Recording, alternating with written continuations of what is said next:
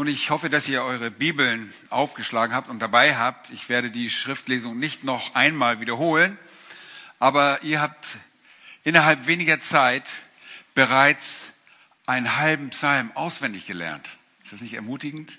26 Verse und die Hälfte könnt ihr in einem einzigen Gottesdienst. Ist es nicht verblüffend? Denn seine Gnade wäret ewiglich.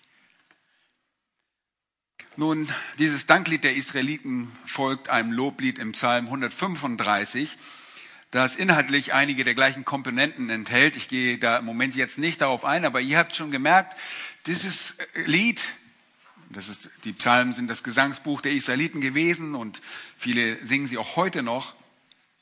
Dieses Lied, dieser Psalm ist antiphonal, diese Wechsel, dieser Wechselgesang äh, ist ein liturgischer Wechselgesang und ratet mal was. Ihr habt diesen zweiten Teil gesprochen und ich bin davon überzeugt, so war es auch bei den Israeliten. Was sollen wir behalten? Ihr wisst schon die Hälfte der Thematik heute Morgen auswendig, denn seine Gnade wäre ewiglich. Nun, das Thema heute Morgen ist ganz einfach. Danke Jahwe für seine Gnade. Ist nicht immer so einfach, aber hier ist es sehr einfach zu erkennen, denn drei Verse, die ersten drei und der letzte Vers rufen uns auf zur Dankbarkeit. Die ersten drei stimmen uns ein und fordern uns auf und zeigen uns, wem wir Dank gegenüberbringen. Und nachdem der Psalmist uns genügend Gründe im Detail aufzeigt, fordert uns in Vers 26 nochmals auf, Jahwe zu danken. Nun, wir haben uns an diesem Wochenende mit der Dankbarkeit beschäftigt. Und gleich in Vers 1 geht es los. Dankt. Eine Aufforderung, ein Imperativ. Im Hebräischen Hifil, eine Stammesmodifikation, die das Verb modifiziert. Und hier an dieser Stelle sagt, ja da, dankt, dankt Jahwe. Unser Dank hat nur ein Ziel. Es ist der Herr oder besser gesagt, es ist Jahwe. Das ist der Name unseres Gottes. Es ist der Name, mit dem sich Gott schon früh in der Geschichte vorgestellt hat. Und dieser Name wurde immer ausgesprochen im Tempel. Immer. Er wurde nie durch Herr ersetzt. Das bezeugt uns Philo und die jüdische Tradition. Ich habe einen Artikel gefunden in der Zeitschrift der Deutschen Morgenländischen Gesellschaft. Dort schreibt der Arnold Schleif, im Tempel wurde der Name Gottes immer ausgesprochen. Das bezeugt uns Philo und die jüdische Tradition. Erst 270 nach Christus fing man an, diesen Namen zu ersetzen. Und die Masoreten fingen an, eine bestimmte Praxis vorzunehmen, dass man nämlich unter diese vier Konsonanten im Hebräischen, Jahwe, Vokale setzte und diese Vokale nicht von Jahwe selbst nahm, sondern von Adonai, Herr. Und so finden wir das heute auch, dass unsere Übersetzer der Bibel beeinflusst sind und sie Herr im Großbuchstaben ersetzt haben. Und euch fällt es oft auf, dass wir dieses Herr mit Jahwe ersetzen. Und wir sagen den Namen Gottes. Und wir denken, dass es recht ist. Es ist kein Missbrauch des Namens Gottes. Nun, Jahwe taucht das erste Mal schon in 1. Mose Kapitel 2, Vers 4 auf. Da heißt es, dies die Geschichte des Himmels und der Erde, als sie geschaffen wurden, zu der Zeit, als Gott Jahwe Erde und Himmel machte. Und dann bereits in Kapitel 4 und Vers 26 wird sein Name angerufen. Da heißt es, und auch dem Seth wurde ein Sohn geboren, den nannte er Enosch. Damals fing man an, den Namen Jahwes anzurufen. Und die Anführung des Gottesnamens in den ersten Kapitel der Genesis und auch dem Buch Hiob lässt uns deutlich erkennen, dass dieser Name Jahwe älter ist als die ältesten Schriftstücke des Alten Testaments. Er wurde schon vor Mose und vor Hiob gebraucht und war bekannt. Der Name muss durch eine Selbstoffenbarung Gottes, also mündlich durch ihn selbst bekannt gemacht worden sein. Für uns aber wird erst durch die Begegnung Jahwes mit Mose am brennenden Dornbusch bekannt, was seine Bedeutung ist. Bitte schlag 2. Mose, Kapitel 3, die Verse 13 bis 15 dazu auf. 2. Mose, Kapitel 3, die Verse 13 bis 15. Da lesen wir, und Mose sprach zu Gott, Siehe, wenn ich zu den Kindern Israels komme und zu ihnen sagen werde, der Gott eurer Väter hat mich zu euch gesandt, und sie mich fragen werden, was ist sein Name? Was soll ich ihnen sagen? Nun, Mose wird von Gott geschickt und er sagt, geh nach Ägypten. Sie sollen Ägypten verlassen. Und er sagt, tja, was soll ich ihnen sagen? Was ist sein Name?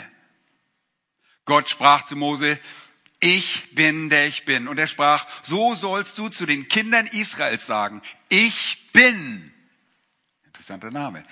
Der hat mich zu euch gesandt.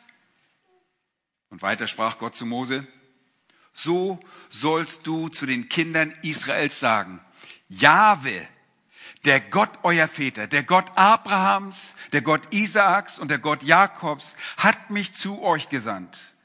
Das ist mein Name ewiglich. Ja, das ist der Name, mit dem ihr an mich gedenken sollt, von Geschlecht zu Geschlecht. Ich denke, wir tun Unrecht, wenn wir nur Herr sagen. Sein Name ist Jahwe, ich bin. Und dieses Ich bin veranschaulicht zunächst einmal seine Selbst- und seine Präexistenz sowie seine künftige Ewigkeit. Er ist der, der ist. Jahwe erweist sich im Zusammenhang auf die Ärzte und Glaubensväter hin, Abraham und Isaac und Jakob. Als was und warum? Erstens, Jahwe ist der Gott aller Lebendigen. Zu der Zeit war Abraham, Isaac, Jakob noch nicht beim Einzug oder äh, sie waren gestorben. Abraham war gestorben. Und im Gespräch mit den Sadduzäern die die Auferstehung der Toten leugneten und Bezug nehmend auf, ich bin der Gott Abrahams und der Gott Isaaks und des Gott Jakobs, sagte Jesus, er ist nicht der Gott der Toten, sondern der Gott der Lebendigen. Darum ehrt ihr Sadduzäer sehr. Markus 12, 27. Zweitens, Jahwe ist Gott, der ist und dabei, der ist und dabei sich als der Bündnis haltende Gott erweist. Er hatte den Vätern geschworen und deshalb ist er der dauernd erweisende, sich erweisende Gott. Drittens sagt Gott, wenn ihr an mich denkt, dann ist das der Name, mit dem ihr an mich denken sollt. Und genau so ein Gedenken geschieht hier im Psalm 136. Und unsere Danksagung die Danksagung der Zuhörer und all derer, die dort sich beteiligt haben beim Singen, gilt Jahwe Gott. Dankt. Nun, hier im Hebräischen, so wie auch im Neutestament, ist Danke zu sagen, ist nicht die ganze wirkliche Bedeutung dieses Wortes.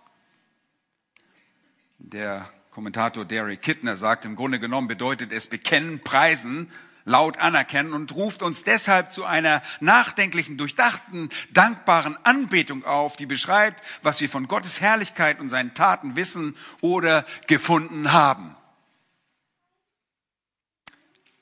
Danksagen ist nur ein Teil, das haben wir gestern gelernt, oder?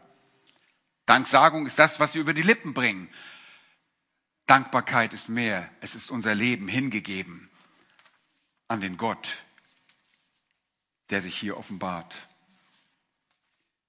Es ist nicht nur eine verbale Bestätigung, sondern dieser Lobpreis und Dank erweist sich in einem Leben, das sich unter den Herrn der Herren beugt und ihn als Gott anerkennt und wir deshalb ein Leben führen, das Unterwürfigkeit unter seine Herrschaft offenbart. Nun, wenn wir nachdenken, erinnert euch, Denken ist Voraussetzung, Gedanken sind wichtig für Danken. Wenn wir nachdenken über Jahwe, lesen wir und lesen und studieren, dann kommen wir dazu, ihm zu danken. Dann, so sagt der Psalmist zunächst in Vers 1a, in der ersten Hälfte, denn, und dieses, diese Begründung wird mit einem hebräischen Kaf eingeleitet, ist nur ein einziger Buchstabe, denn er ist gut so die revidierte Elberfelder von 1993, gütig die unrevidierte Elberfelder oder die Schlachter 2000. Wir haben das gerade gesehen. Ähm, hier steht gütig. Gütig ist freundlich, ist einfach nur gut. Dort steht das Wort Tof. Gott ist gut. Er sagt damit nur, dass Gottes Jahwes komplettes Wesen einfach nur gut ist. So wie der Psalmist im Psalm 73, das ist Asaf, sagt, nur gut ist Gott gegen Israel, gegen die, welche reinen Herzens sind. Und für alle, die da gestern dabei waren und heute Morgen haben wir es wiederholt, Daniel gab uns eine Definition für die Güte Gottes. Und zwar in Anlehnung an die systematischen Theologien von MacArthur und Mayo sowie von Grudem. Gottes Güte bedeutet, dass Gott Summe, Quelle und Maßstab für Gutes ist und alles, was Gott ist und tut, der Zustimmung würdig ist. Das können wir gar nicht so schnell fassen, oder? Er ist die Summe und die Quelle und der Maßstab. Alle Bestandteile seines Wesens und Eigenschaften lassen ihn nur gut sein. Er ist gut. David sagte im Psalm 34, als er sich wahnsinnig stellte vor Abimelech und dieser ihn von sich wegtrieb und er fortging, schmeckt und seht, wie gut, wie freundlich Jahwe ist. Dort ist das Wort Tof. Wohl dem, der auf ihn traut. Psalm 34, Vers 9. Ihr Lieben, an dieser Stelle ist das göttliche Gütesiegel, das wir häufig in der Schrift finden. Gott kann bei jeder Probe den Test bestehen und er ist der Maßstab selbst für alle Güte, für alles Gute. Nun, wir kennen Gütesiegel an Produkten, die wir heutzutage in den Regalen finden und oft dort an diesen Produkten missbräuchlich angebracht werden. Eine Qualität wird bescheinigt, die das Produkt nicht besitzt. Das kommt, weil es staatlich nicht wirklich geregelt ist. Und beim ersten Gebrauch eines Produktes oder eines Gegenstandes leben wir ein blaues Wunder. Gebrochen, kaputt. Kennen wir das nicht? Nicht so bei Gott. Er ist der Maßstab für gut. An ihm wird sich Gutes messen müssen. Er ist die 100 Prozent. Als zweites sagt uns der Psalmist, dessen Name wir nicht kennen, dankt Jahwe, denn, und hier kommt wieder dieses Key im Hebräischen, denn es leitet die Begründung ein und der, den Grund. Das zweite leitet die folgende Begründung ein, die wir vorhin alle als Gemeinde geantwortet haben. Ki leolam hasto. Das hebräische Wort Chesed kommt davor. Das ist hier das Wort, das übersetzt wird mit Gnade. So haben wir das gesehen. Teilweise wird es mit Güte übersetzt. Und das hat mit der Schwierigkeit zu tun, dass dieses Wort mehr bedeutet als das deutsche Wort. Seine Gnade wäret ewiglich. Und der Begriff bedeutet wirklich mehr als nur das deutsche Wort. Es muss von, dem, von der Wesensoffenbarung Gottes heraus verstanden werden. Und zwar, so der Kommentator Langenberg, vom Grundbegriff der Liebe aus. Treffender als Gnade wäre hier loyale Liebe angebracht. Loyal ist treu. Sie ist beständig. Es spricht von einer beständigen Liebe, einer stetigen Liebe, einer andauernden Liebe. Gottes Liebe hat verschiedene Seiten. Diese Liebe wird in Gerechtigkeit, in Recht, in Gnade und Erbarmen ausgedrückt. Und hier sehen wir diese Gnade als Ausdruck seiner Liebe. Gott ist von seinem Wesen her Liebe. Er hat nicht nur Liebe, er liebt nicht nur, sondern er ist Liebe. Und so ist auch Chesed, das hebräische Wort Gnade. Er ist nicht nur gnädig, sondern er ist selbst Gnade. Das bedeutet, dass Gott sich nicht nur gnädig zeigt, sondern die Gnade und Güte selbst ist. Nun, sehr anschaulich wird das dargestellt im Psalm 144, Vers 2, wo David von Jahwe schreibt, meine Gnade oder meine Güte in der Elberfelder von 1905, meine Burg, meine Gnade, damit meint er Jahwe. Er ist seine Gnade. In Jona 2, Vers 9 spricht der Prophet, die Verehrer nichtiger Götzen verlassen ihre Gnade. Der Zusammenhang zeigt auch auf, dass es hier um Jahwe selbst handelt. Denn es geht weiter bei Jona in Jona 2, Vers 10. Ich aber will dir mit lauter Stimme Lob opfern. Was ich gelobt habe, das will ich bezahlen. Die Rettung kommt von Jahwe.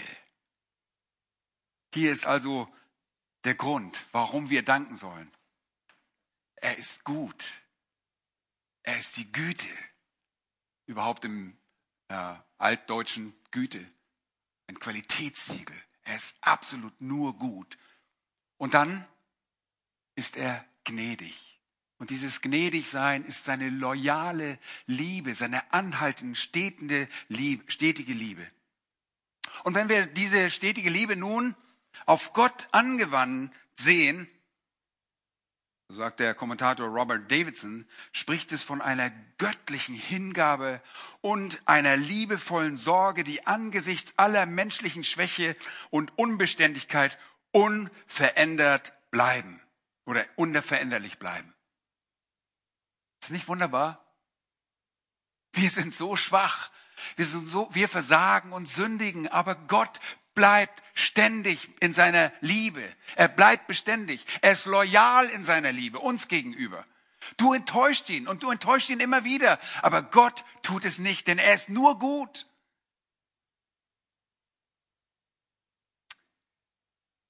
Und das ist dem Psalmisten, dem Autor, Autoren dieses Psalms so wichtig, dass er das gleich 26 Mal sagt. Glaubt ihr, dass er damit irgendetwas vermitteln möchte? Ich denke schon. Meine Frau sagt manchmal, du wiederholst dich. Ja, warum? Weil mir etwas wichtig ist. Und wenn mir etwas wichtig ist, wiederhole ich mich. Und so ist es für den Psalmisten sehr wichtig. Der Refrain macht deutlich, worauf es dem Autoren wirklich ankam. Wir haben gestern gehört, wir können Dank aussprechen, wir können Dank singen, wir haben dem Herrn Dank gebracht durch unsere Lieder. Und in diesem Lied wird es sehr deutlich. Und er beschreibt Jahwe weiter in Vers 2. In seinem Aufruf zum Preis, zum Danken sagt er, dankt dem Gott der Götter. Hier wird Jahwe nochmal beschrieben. Denn seine Gnade wird ewig. Dank dem Gott der Götter. Nun, es gibt eine Begebenheit bei der Landeinnahme äh, des kanaanitischen Landes, schon vor, bevor die Israeliten in das Land Kanaan ziehen, gibt es zweieinhalb Stämme, die das am Ostufer, das heißt in Transjordanien, Land einnehmen wollen und sie bauen dort ein Altar und das beunruhigt die übrigen Stämme und Pineas, Sohn Eleasers, den Priester und mit ihm zehn Fürsten werden als Abordnung gesandt an die zwei Stämme, nämlich Ruben, Gad und der halbe Stamm Manasse, die dort in den eroberten Gebieten ihr Erbteil bekommen sollten. Sie werden gefragt, was macht ihr dort? Ihr sollt, wollt doch nicht etwa dort eure Opfer darbringen und von, von Jahwe abfallen. Und sie antworten, nein, wir wollen ein Gedenken aufrichten. Wir wollen nicht unser Opfer darbringen, damit wir abfallen, sondern wir wollen diesen Altar aufbauen, damit wir Anteil haben an Jahwe und ihr wisst, dass wir zu euch gehören, dass wir uns daran erinnern. In Vers 22, in Josua 22, Vers 22 sagen sie, der Gott der Götter Jahwe. Und dann sagen sie nochmals, der Gott der Götter Jahwe. Zweimal wiederholen sie die, diese Antwort, diese zweieinhalb Stämme. Er weiß es, was unsere Motivation ist. Und Israel soll es auch wissen. Es ist aus, aus, ist es aus, aus Auflehnung oder Untreue gegen Jahwe geschehen, so hilf du uns heute nicht. Wir sagen, wir tun das aus reinen Motivation heraus. Gott der Götter. Zuvor im dritten Buch Mose, Kapitel 19, Vers 4, wurde das ganze Volk Israel gewarnt. Ihr sollt euch nicht an die Götzen wenden und sollt euch keine gegossenen Götter machen, denn ich, Jahwe, bin euer Gott. So auch in Kapitel 26, 1. Ihr sollt euch keine Götzen machen. Ein Götterbild und eine Säule sollt ihr euch nicht aufrichten, auch keinen Stein mit Bildwerk in eurem Land aufstellen, dass ihr euch davor niederwerft, denn ich, Jahwe, bin euer Gott. Im Psalm 135, also ein Psalm vor den, dem Psalm, den ich gerade auslese, sagt der Autor, denn ich weiß, dass Jahwe groß ist. Ja, unser Herr ist größer als alle Götter. Psalm 135, Vers 5. Und Vers 15 heißt es, die Götzen der Heiden sind Silber und Gold von Menschenhand gemacht.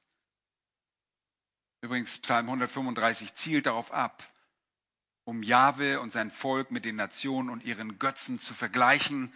Psalm 136 zielt auf die Darlegung der standhaften Liebe Jahwes ab. Und so zeigt der Psalmist hier dass er über allen Göttern steht. Denn alle anderen Götter sind nur Götzen. Hat es dem Volk Israel genützt? Nein. Sie hatten so viele Götter wie Ortschaften, heißt es in der Bibel. Die machten sich Götzen. Die trieben geistliche Hurerei. Und äh, es ist schrecklich, was, was wir lesen über Israel und auch über Jerusalem. Wir äh, denken nur an Jesaja, äh, Hesekiel Kapitel 16 oder Jesaja, äh, Jeremia Kapitel 2. Und wir sind dankbar, dass Gott euphemistisch spricht, denn das ist fast nicht jugendfrei, was dort steht. Aber Gott spricht euphemistisch, sodass wir die Untreue des Volkes sehen. Sie treiben geistliche Hurerei mit Göttern. Aber er ist der Gott aller Götter. Vers 2 und 3 zeigen, wie auch die übrigen Teile des Psalms, eine starke Verbindung zum fünften Buch Mose und hier in Verse 2 und 3 zu 5. Mose 10. Bitte schlagt das mit mir auf. 5. Mose 10, die Verse 17 und 18, wo es heißt,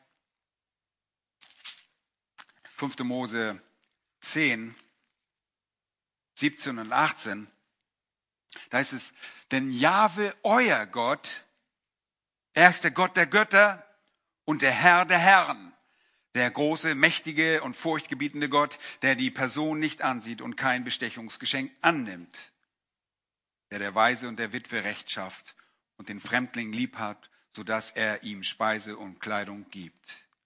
Seht ihr die Verbindung? Und das greifen sie im Gedenken jetzt auf dass er der Gott aller Götter ist und der Herr aller Herren. Warum betont der Psalm die Tatsache, dass Jahwe auch der Herr der Herren ist? Weil andere menschliche Herren und Machthaber über Israel herrschten. Wer die Geschichte kennt, weiß das allzu gut. In Jesaja 26, Vers 13 lesen wir, Jahwe, unser Gott, andere Herren als du herrschen über uns, aber künftig gedenken wir allein an dich, an deinen Namen.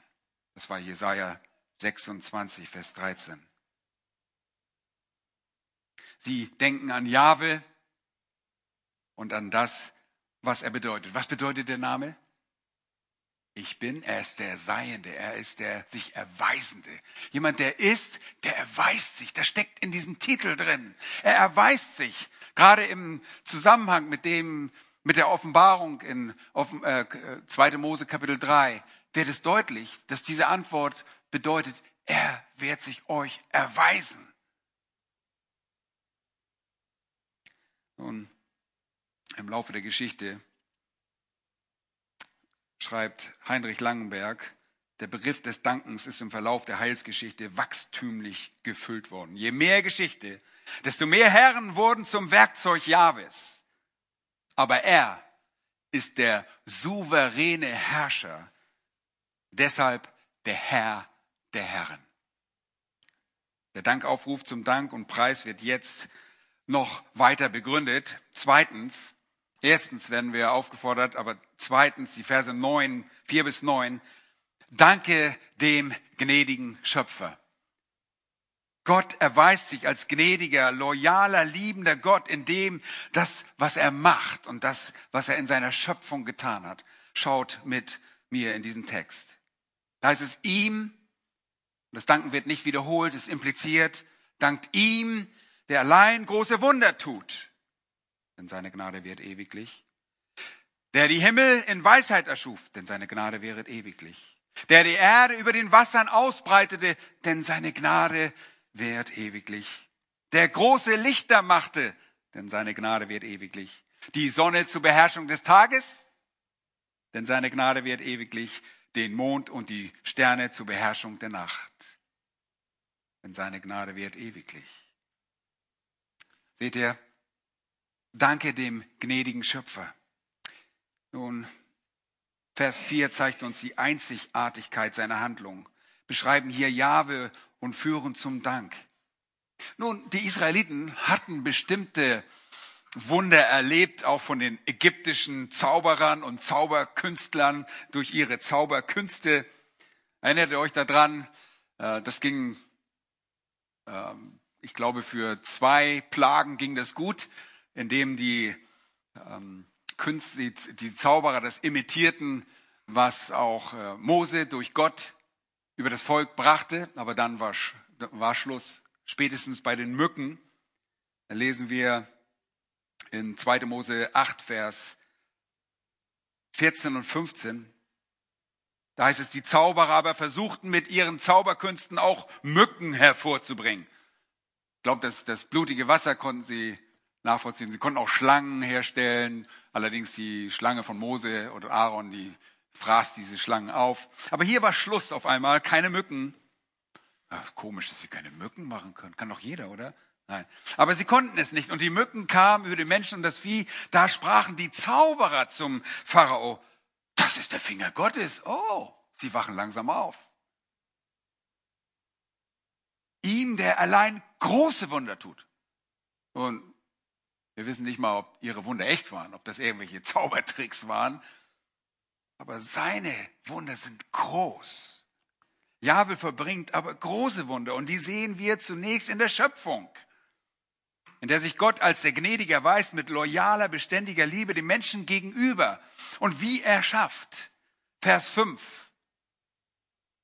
Der die Himmel in Weisheit erschuf. Oh, da, da kann man so viel drüber sagen, denn seine Gnade wird ewiglich. Was ist für Weisheit? Gott schafft die gesamten Himmelskörper, das Universum. Und er schmeißt sie nicht nur irgendwie so da in, einen luftleeren Raum, sondern mit aller Weisheit.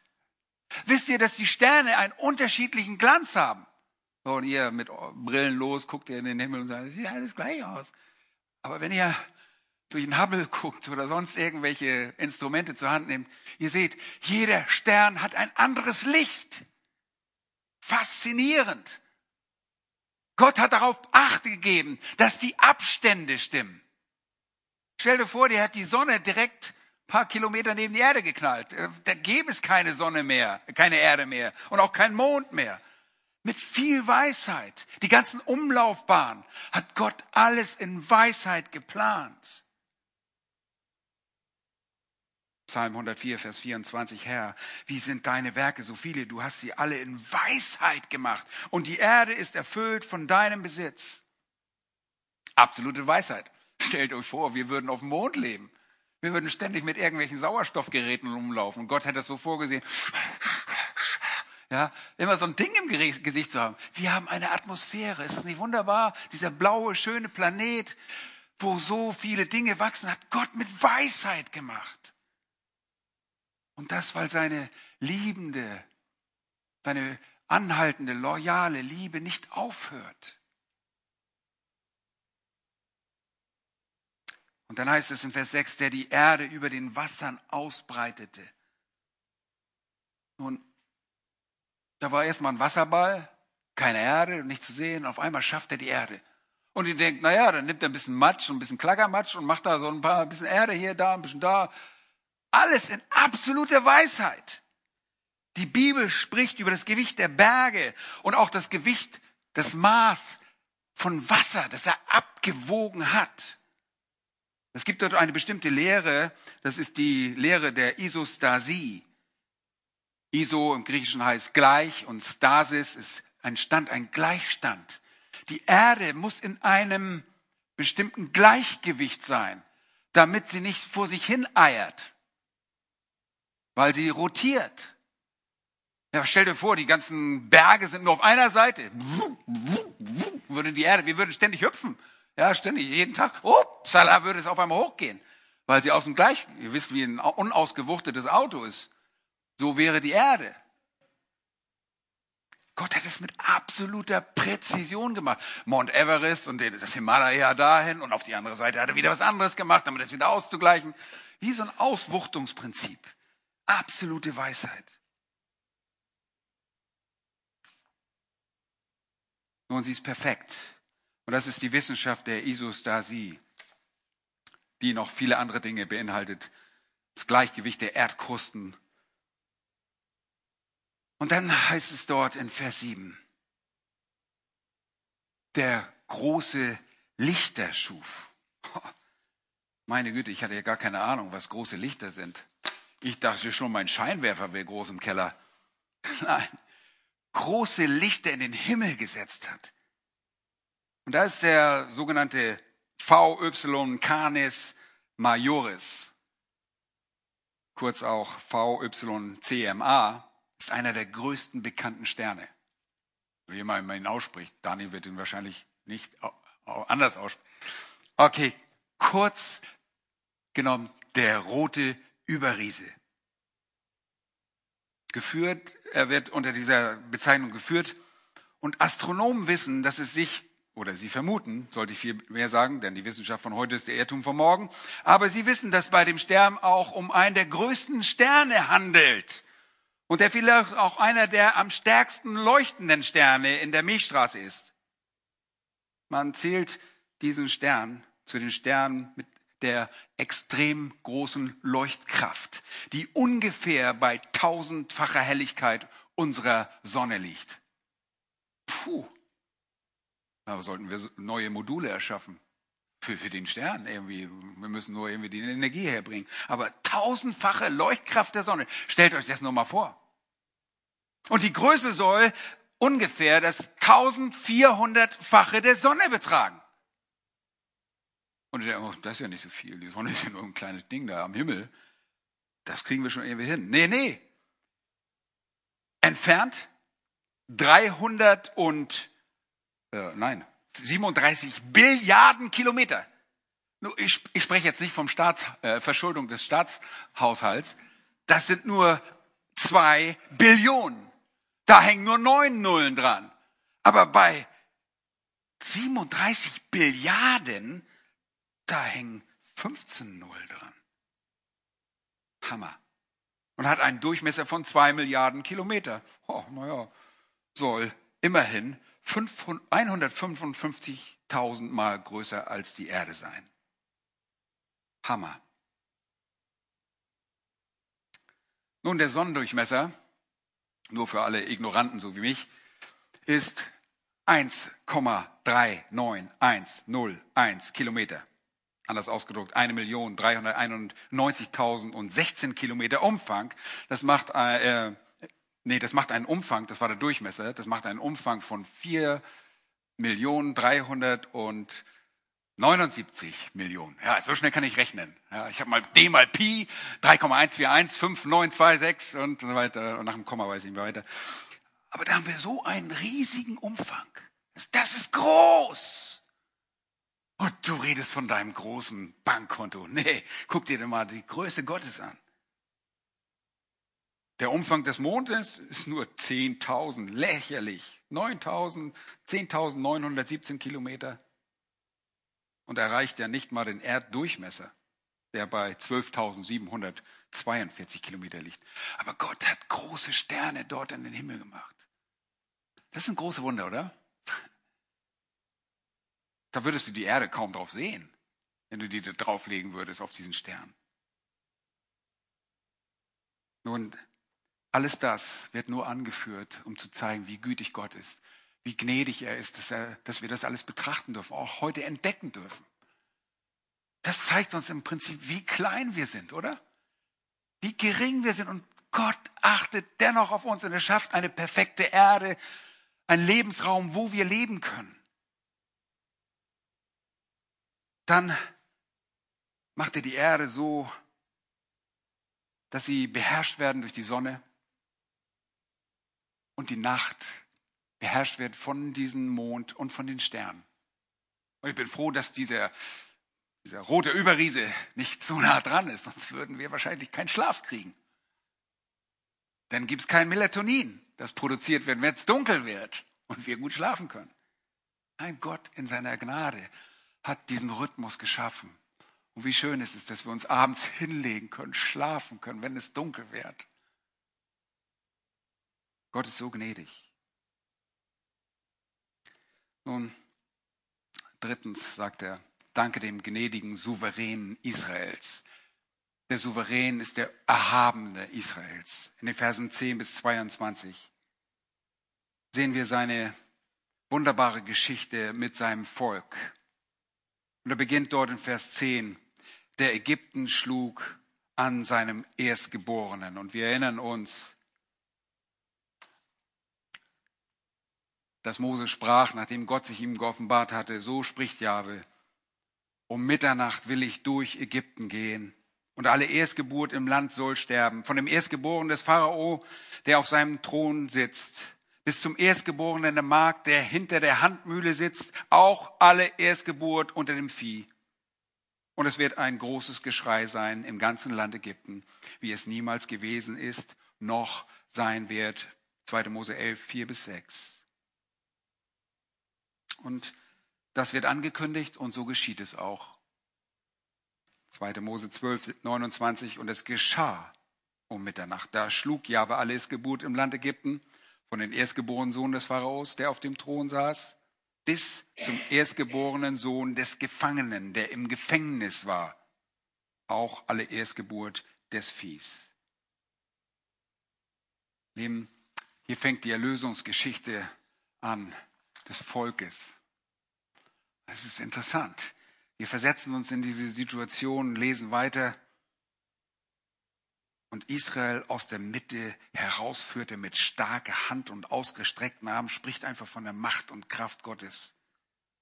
Wisst ihr, die Ägypter waren zu der Zeit nicht irgendeine Straßenbande, die irgendeiner zusammengetrommelt hat und hat gesagt, oh komm, wir kämpfen mal ein bisschen hier und verteidigen unser Reich. Sie waren die Militärmacht schlechthin. Sie mussten gewappnet sein gegen die Kuschiten, die Äthiopier im Süden. Die Feinde herum waren immer eine Bedrohung für sie. Deshalb fürchteten sie auch die Vermehrung der Israeliten innerhalb des Landes, im Land Goshen. Aber hier kommt Gott und er befreit sie. Und er befreit sie auf dramatische Art und Weise, mit starker Hand, mit ausgestreckten Armen braucht zehn Plagen. Pharao verstockt sich, aber wir wissen auch warum, damit Gott sich verherrlichen konnte. Und dann bringt er sie ans Schilfsmeer und alles sieht aus, als würde hier das Ende sein. Und er teilt das Schilfsmeer.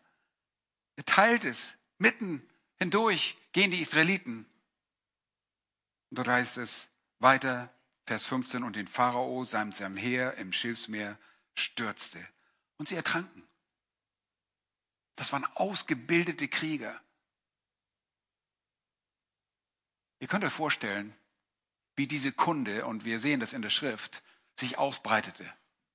Zumindest wusste die Hure Rahab schon davon, als die Spione kamen und es gab ihr Motivation, diese Spione zu verstecken. Die fürchteten den Gott Israels und das sollten sie. Gott verherrlicht sich mit starker Hand. Und sie sollten ihm Dank dafür sagen, sich daran erinnern. Und dann bringt er sie durch die Wüste. Und einige von uns, Westermann und äh, Ich war selbst mit auf einer Studienreise vom Master Seminary und wir wurden rausgelassen in der Wüste Paran. Ich weiß nicht, ob ihr es auch so gemacht habt. Und du denkst, oh, Backe, gut, dass der Bus noch da steht. Und äh, wir wurden aufgefordert, wirklich eine halbe Stunde dort stille Zeit zu machen. Damals hob ich so einen kleinen Stein auf in der Wüste Paran. Und gedacht, boah, Gott hat hier nicht nur ein paar Kümmel, eine Kümmeltruppe hindurchgebracht, sondern eine millionenfache Volk, also mit Millionen Menschen. 600.000 werden gezählt beim Auszug, nur die Männer. Ihr könnt euch vorstellen, weil sie sich so stark vermehrt haben, es waren viele Kinder, samt Vieh. Und Gott erinnert sie immer wieder dran im Laufe der Geschichte. Eure Füße schwollen nicht an, eure Kleider wurden nicht ausgetragen, eure Schuhe, sie nutzten nicht ab. Dann gab es dort Skorpione, feurige, giftige Schlangen, Trockenheit und Wüste. Und Gott versorgt sie mit Wasser aus einem Kieselstein und Kieselfelsen, der sein Volk durch die Wüste führte. Das ist unfassbar. Die liberale Theologie streitet das so ein bisschen ab. Ah, da kann man doch nicht durchgehen. Wie kann man denn durch so in die Wüste kommen? Ja, mit einem mächtigen Gott, der große Wunder tut, Wunder tut. Und dann heißt es, der große Könige schlug. Absolut große Könige. Wie gesagt, das waren nicht nur irgendwelche selbsternannten Häuptlinge, die da über fünf Leute regierten, sondern sie waren Könige der Amoriter. Und die Amoriter, sie waren ein kanaanitisches Volk, Sie waren bekannt dafür, für ihre Boshaftigkeit. Und Gott sagte einmal, das Maß der Amoriter, das Maß der Sünden der Amoriter ist nicht voll, deshalb war es noch nicht Zeit, dass sie nach, äh, dass das Volk Israel ins Land Kanaan kam. Aber als dieses Maß voll war, wurden diese Könige, diese Herrschaft der Amoriter, ein Stamm der so schlimm ist, dass er stellvertretend für die übrigen Kanaaniter steht, einfach die Könige vernichtet. Vers 17, der große König löst, denn seine Gnade wird ewig und mächtige Könige tötete. Und da werden angeführt einige Kanaaniter, der König von Arad, ein Kanaaniter, der im Negev wohnte. Der hörte, dass Israel auf dem Weg nach Atarim heranzog und kämpfte er gegen Israel und führte Gefangene von ihm weg. Oh, da legte Israel ein Gelübde ab vor Jahwe und sprach, wenn du dieses Volk wirklich in meine Hand gibst, so will ich an ihren Städten den Bann vollstrecken. Und Jahwe lässt sich erbitten, er hört die Stimme Israels und gab die Kanaaniter in ihre Hand und Israel vollstreckte an ihnen und an ihren Städten den Bann und man nannte den Ort Horma, 4. Mose 21, 1 bis 3. Dann lesen wir weiter in 4. Mose 21, 21. Und ich, schlag, ich bitte euch, schlagt es kurz auf. Ich möchte euch mit in diese Geschichte hineinnehmen. Es ist noch vor dem Einzug in das verheißene Land. Wir sind jetzt in Transjordanien, auf der, auf der östlichen Seite des Jordans. Und Israel sendet Boten dort in 4. Mose 21, 21 und folgende zu Sihon, dem König der Amoriter, und ließ ihm sagen, lass mich durch dein Land ziehen. Wir wollen weder in die Äcker noch in die Weingärten abbiegen, wollen auch vom Wasserbrunnen nicht trinken. Wir wollen auf der Straße des Königs ziehen, bis wir durch dein Gebiet gezogen sind. Also mach dir keine Sorgen, wir benutzen nichts von deinem Land, wir werden keinen Dreck anstellen, wir räumen auch alles hinter uns wieder auf. Aber Sihon gestattete Israel nicht, durch sein Gebiet zu ziehen. Und Sihon versammelte sein ganzes Volk und zog aus Israel entgegen in die Wüste. Und als er nach Jahatz kam, kämpfte er gegen Israel.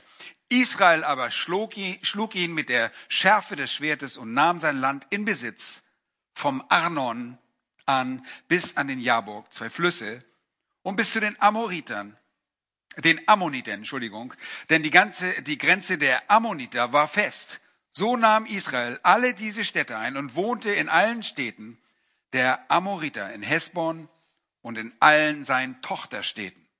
Seht ihr, hier ist der König Sihon, der über viele Städte herrscht. Vers 26. Denn Hesbon war die Stadt Sihons, des Königs der Amoriter, der zuvor mit dem König der Moabiter gekämpft und ihm sein ganzes Land bis zum Arnon abgenommen hatte. Also das war nicht ein schwacher König. Er hatte vorher mit den Moabitern gekämpft und hatte den Moabitern bereits das Land abgenommen. Vers 27. Daher sagen die Spruchdichter, kommt nach Hesbon, sie werde gebaut und die Stadt Sihons werde befestigt. So berühmt war er. Denn aus Hesbon ist Feuer gefahren. Es war sprichwörtlich bekannt. Die Macht, die aus Hesbon kommt, die Stadt Sihons. Vers 28, denn aus Hesbon ist Feuer gefahren, eine Flamme von der Stadt Sihons. Die hat Moab verzehrt die Besitzer der Höhen des Arnon. Wehe dir, Moab, du bist verloren, Volk des Chemosh. Er hat seine Söhne zu Flüchtlingen und seine Töchter in Gefangenschaft dahingegeben, zu Sihon, dem König der Amoriter. Seht ihr, er war so bekannt und so berühmt. Da haben wir sie beschlossen, da haben wir sie beschlossen, beschossen. Es ist verloren von Hesbon bis nach Dibon. Da haben wir verwüstet bis nach Nofach, das bei Medeba liegt. So wohnte Israel im Land der Amoriter. Er kommt, sie kommen, sie besiegen dieses Land und nehmen es ein und es wird ihm zum Erbe. Weiter lesen wir in diesem Kapitel Vers 32. Und Mose sandte Kundschafter aus nach Jaeser. Und sie nahmen seine Tochterstädte ein und vertrieben die Amoriter, die darin wohnten. Und dann wandten sie sich um und zogen nach Baschan im Lauf weiter im Norden. Und da zog Og, der König von Baschan, da wo es die fetten Kühe gab, gutes Weideland, die auch sprichwörtlich benutzt werden. Ich will nichts mehr dazu sagen. Aber äh, sie zogen nach Baschan mit seinem ganzen Volk aus, ihnen entgegen zum Kampf bei E äh, E3, nee, E3i. Das war bei Edri, die Schlacht bei Edrei. Jahwe aber sprach zu Mose, fürchte dich nicht vor ihm, denn ich habe ihn mit Land und Leuten in deine Hand gegeben, und du sollst mit ihm verfahren, wie mit Sihon, dem König der Amoriter, verfahren bist, der in Hesbon wohnte. Und sie schlugen ihn und seine Söhne und sein ganzes Volk so, dass man ihm niemand übrig ließ, der entkommen wäre. Und sie nahmen sein Land in Besitz. Soweit die Dinge in Transjordanien, die dann dem halben Stamm Manasse sowie dem Stamm Ruben und Gad zum Erbteil werden. Nun, Gott verspricht und er hält ein, denn seine Gnade wird ewiglich. Und es ist erstaunlich. Hier kommt ein Sklavenvolk aus Ägypten und sie schlagen wahrscheinlich ausgebildete Soldaten des Königs von Baschan, des Königs der Amoriter auch, äh, Sihon, weil Gott für sie kämpft. Nun, dann fährt der Psalmist weiter, und ich auch, zum vierten Punkt ähm, und sagt, danke dem gnädigen Souverän aller Menschen. Und ich musste ein bisschen nachdenken und ich guckte die Gliederung meines Professors an und habe gedacht, hm, warum teilt er das denn da ein? Und lange überlegt, was das bedeutet. Da heißt es, der an uns gedachte in unserer Niedrigkeit. In Vers 23 gibt es einen Wandel, denn zum ersten Mal schließt der Autor sich mit ein. Er identifiziert sich der Autor jetzt mit dem Volk und weitet die Aufforderung sogar aus in Vers 25, wo es heißt, der allem Fleisch Speise gibt. Nun, alles Fleisch kann natürlich bedeuten auch den Tieren, aber alles Fleisch bedeutet eben auch allen Nationen Speise gibt, denn seine Gnade wäret ewiglich. Danke dem gnädigen Souverän aller Menschen. Nun, der uns gedachte in unserer Niedrigkeit. Woran denkt der Autor? Er denkt sicherlich an die Berufung des Volkes selbst. Und da heißt es in der Schrift, im fünften Buch Mose 7, nicht deshalb, weil ihr zahlreicher wärt als alle Völker, hat Jahwe sein Herz euch zugewandt und euch erwählt, denn ihr seid das geringste unter allen Völkern. Seht ihr, er gedenkt dieser Niedrigkeit. Sie sind nichts gewesen, absolut nichts. Und dann kommt ein sehr wichtiger Vers, 5. Mose 7, Vers 8, sondern weil Jahwe euch liebte. Und hier sehen wir jetzt seine andauernde, er hat sie erwählt und er liebte sie vor Grundlegung der Welt, er erwählte sie und er bleibt ihnen treu. Und er bleibt ihnen treu bis zum Ende so dass er ihnen zukünftig auch Gnade und Barmherzigkeit erweisen wird. Das macht uns das Neue Testament deutlich. Kapitel 9, 10 und 11 des Römerbriefes. Gott benutzt Israel als das ultimative Beispiel seiner Barmherzigkeit. Ein hurerisches, abtrünniges, hartherziges Volk. Ihm wird er Gnade gewähren weil seine Gnade ewiglich währt. Er sagte, sondern weil Jahwe euch liebte und weil er den Eid halten wollte, den er euren Vätern geschworen hatte. Darum hat Jahwe euch mit starker Hand herausgeführt und dich erlöst aus dem Haus der Knechtschaft, aus der Hand des Pharao, des Königs von Ägypten. So bekenne nun, dass Jahwe dein Gott, der wahre Gott ist, der treue Gott, der den Bund und die Gnade denen bewahrt, die ihn lieben und seine Gebote bewahren, auf tausend Generationen. Das tun sie an dieser Stelle. Im Psalm 136 gedenken sie und danken Gott dafür. Und jeder gottesfürchtige Israelit schließt sich diesem Lobgesang, diesem Dankeslied an.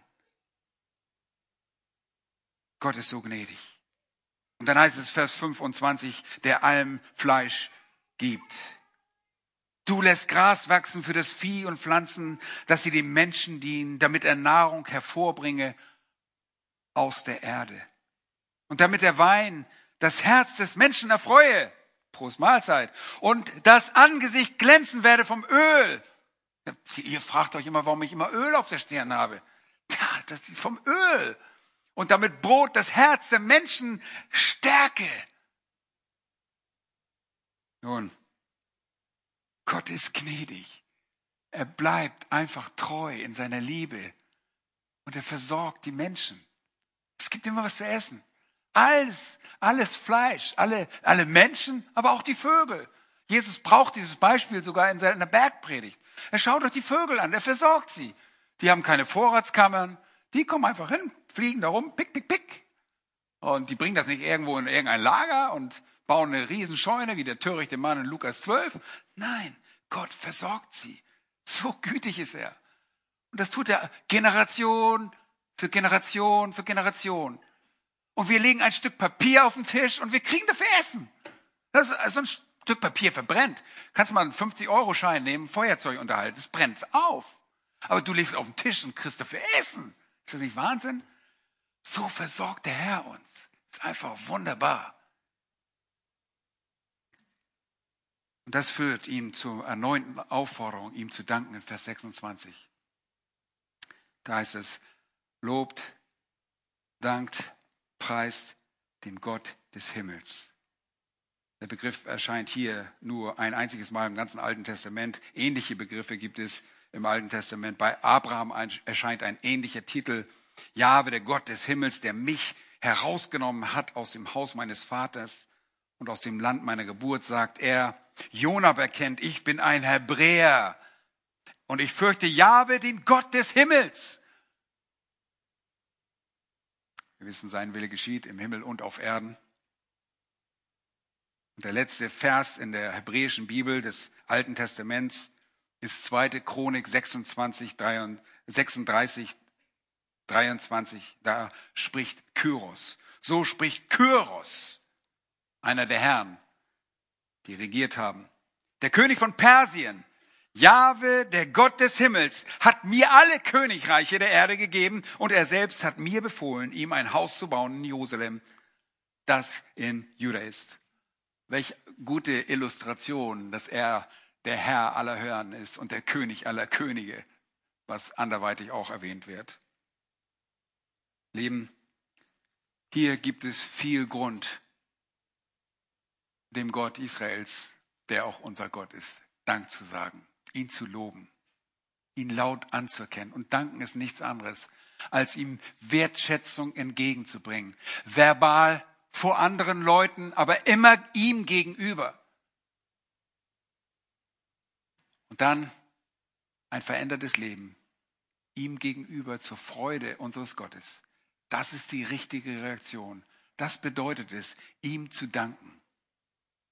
Denn seine Gnade, seine Chesed wäret ewiglich. Seine liebende, seine loyale Liebe, seine anhaltende Liebe bleibt da. Lasst uns ihm dafür danken. Amen.